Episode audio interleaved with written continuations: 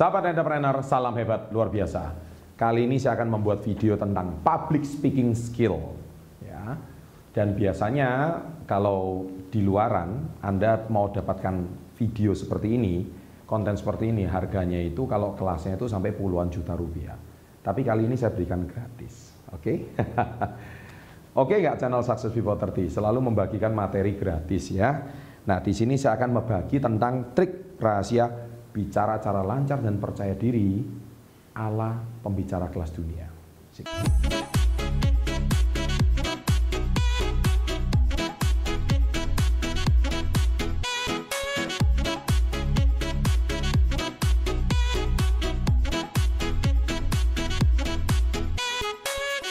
Oke, sahabat entrepreneur, jadi gini ya.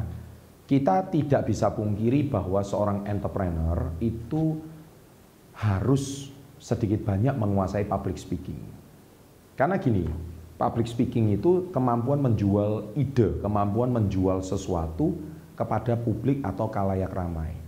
Kalau kita tidak bisa menjual ide, maka eh, kita tidak bisa menginfluence atau tidak bisa meyakinkan orang lain. Oleh sebab itu memang public speaking itu skill yang harus Anda kuasai. Ya, kalau Anda ingin menjadi seorang entrepreneur yang luar biasa. Nah, jadi uh, di sini saya sudah survei itu ada suara dan gerak tubuh yang penting dalam berbicara. Jadi ucapan itu dipengaruhi oleh yang pertama 7% adalah isi, 38% suara, 55% gerak tubuh atau body language. Nah, jadi gini ya, suara dan gerak tubuh itu dapat membuat perbedaan yang besar dalam sebuah isi isi ucapan yang sama.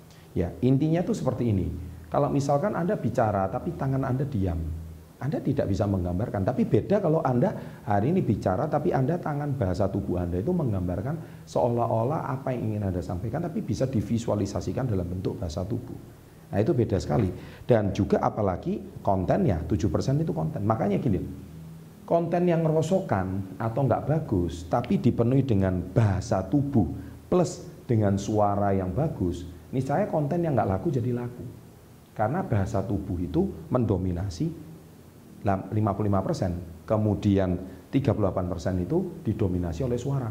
Kalau suara Anda datar, suara Anda tidak menarik, besar kemungkinan maka yang Anda sampaikan tidak menarik ya. Jadi triknya itu sebetulnya sederhana. Nomor satu itu selalu tersenyum.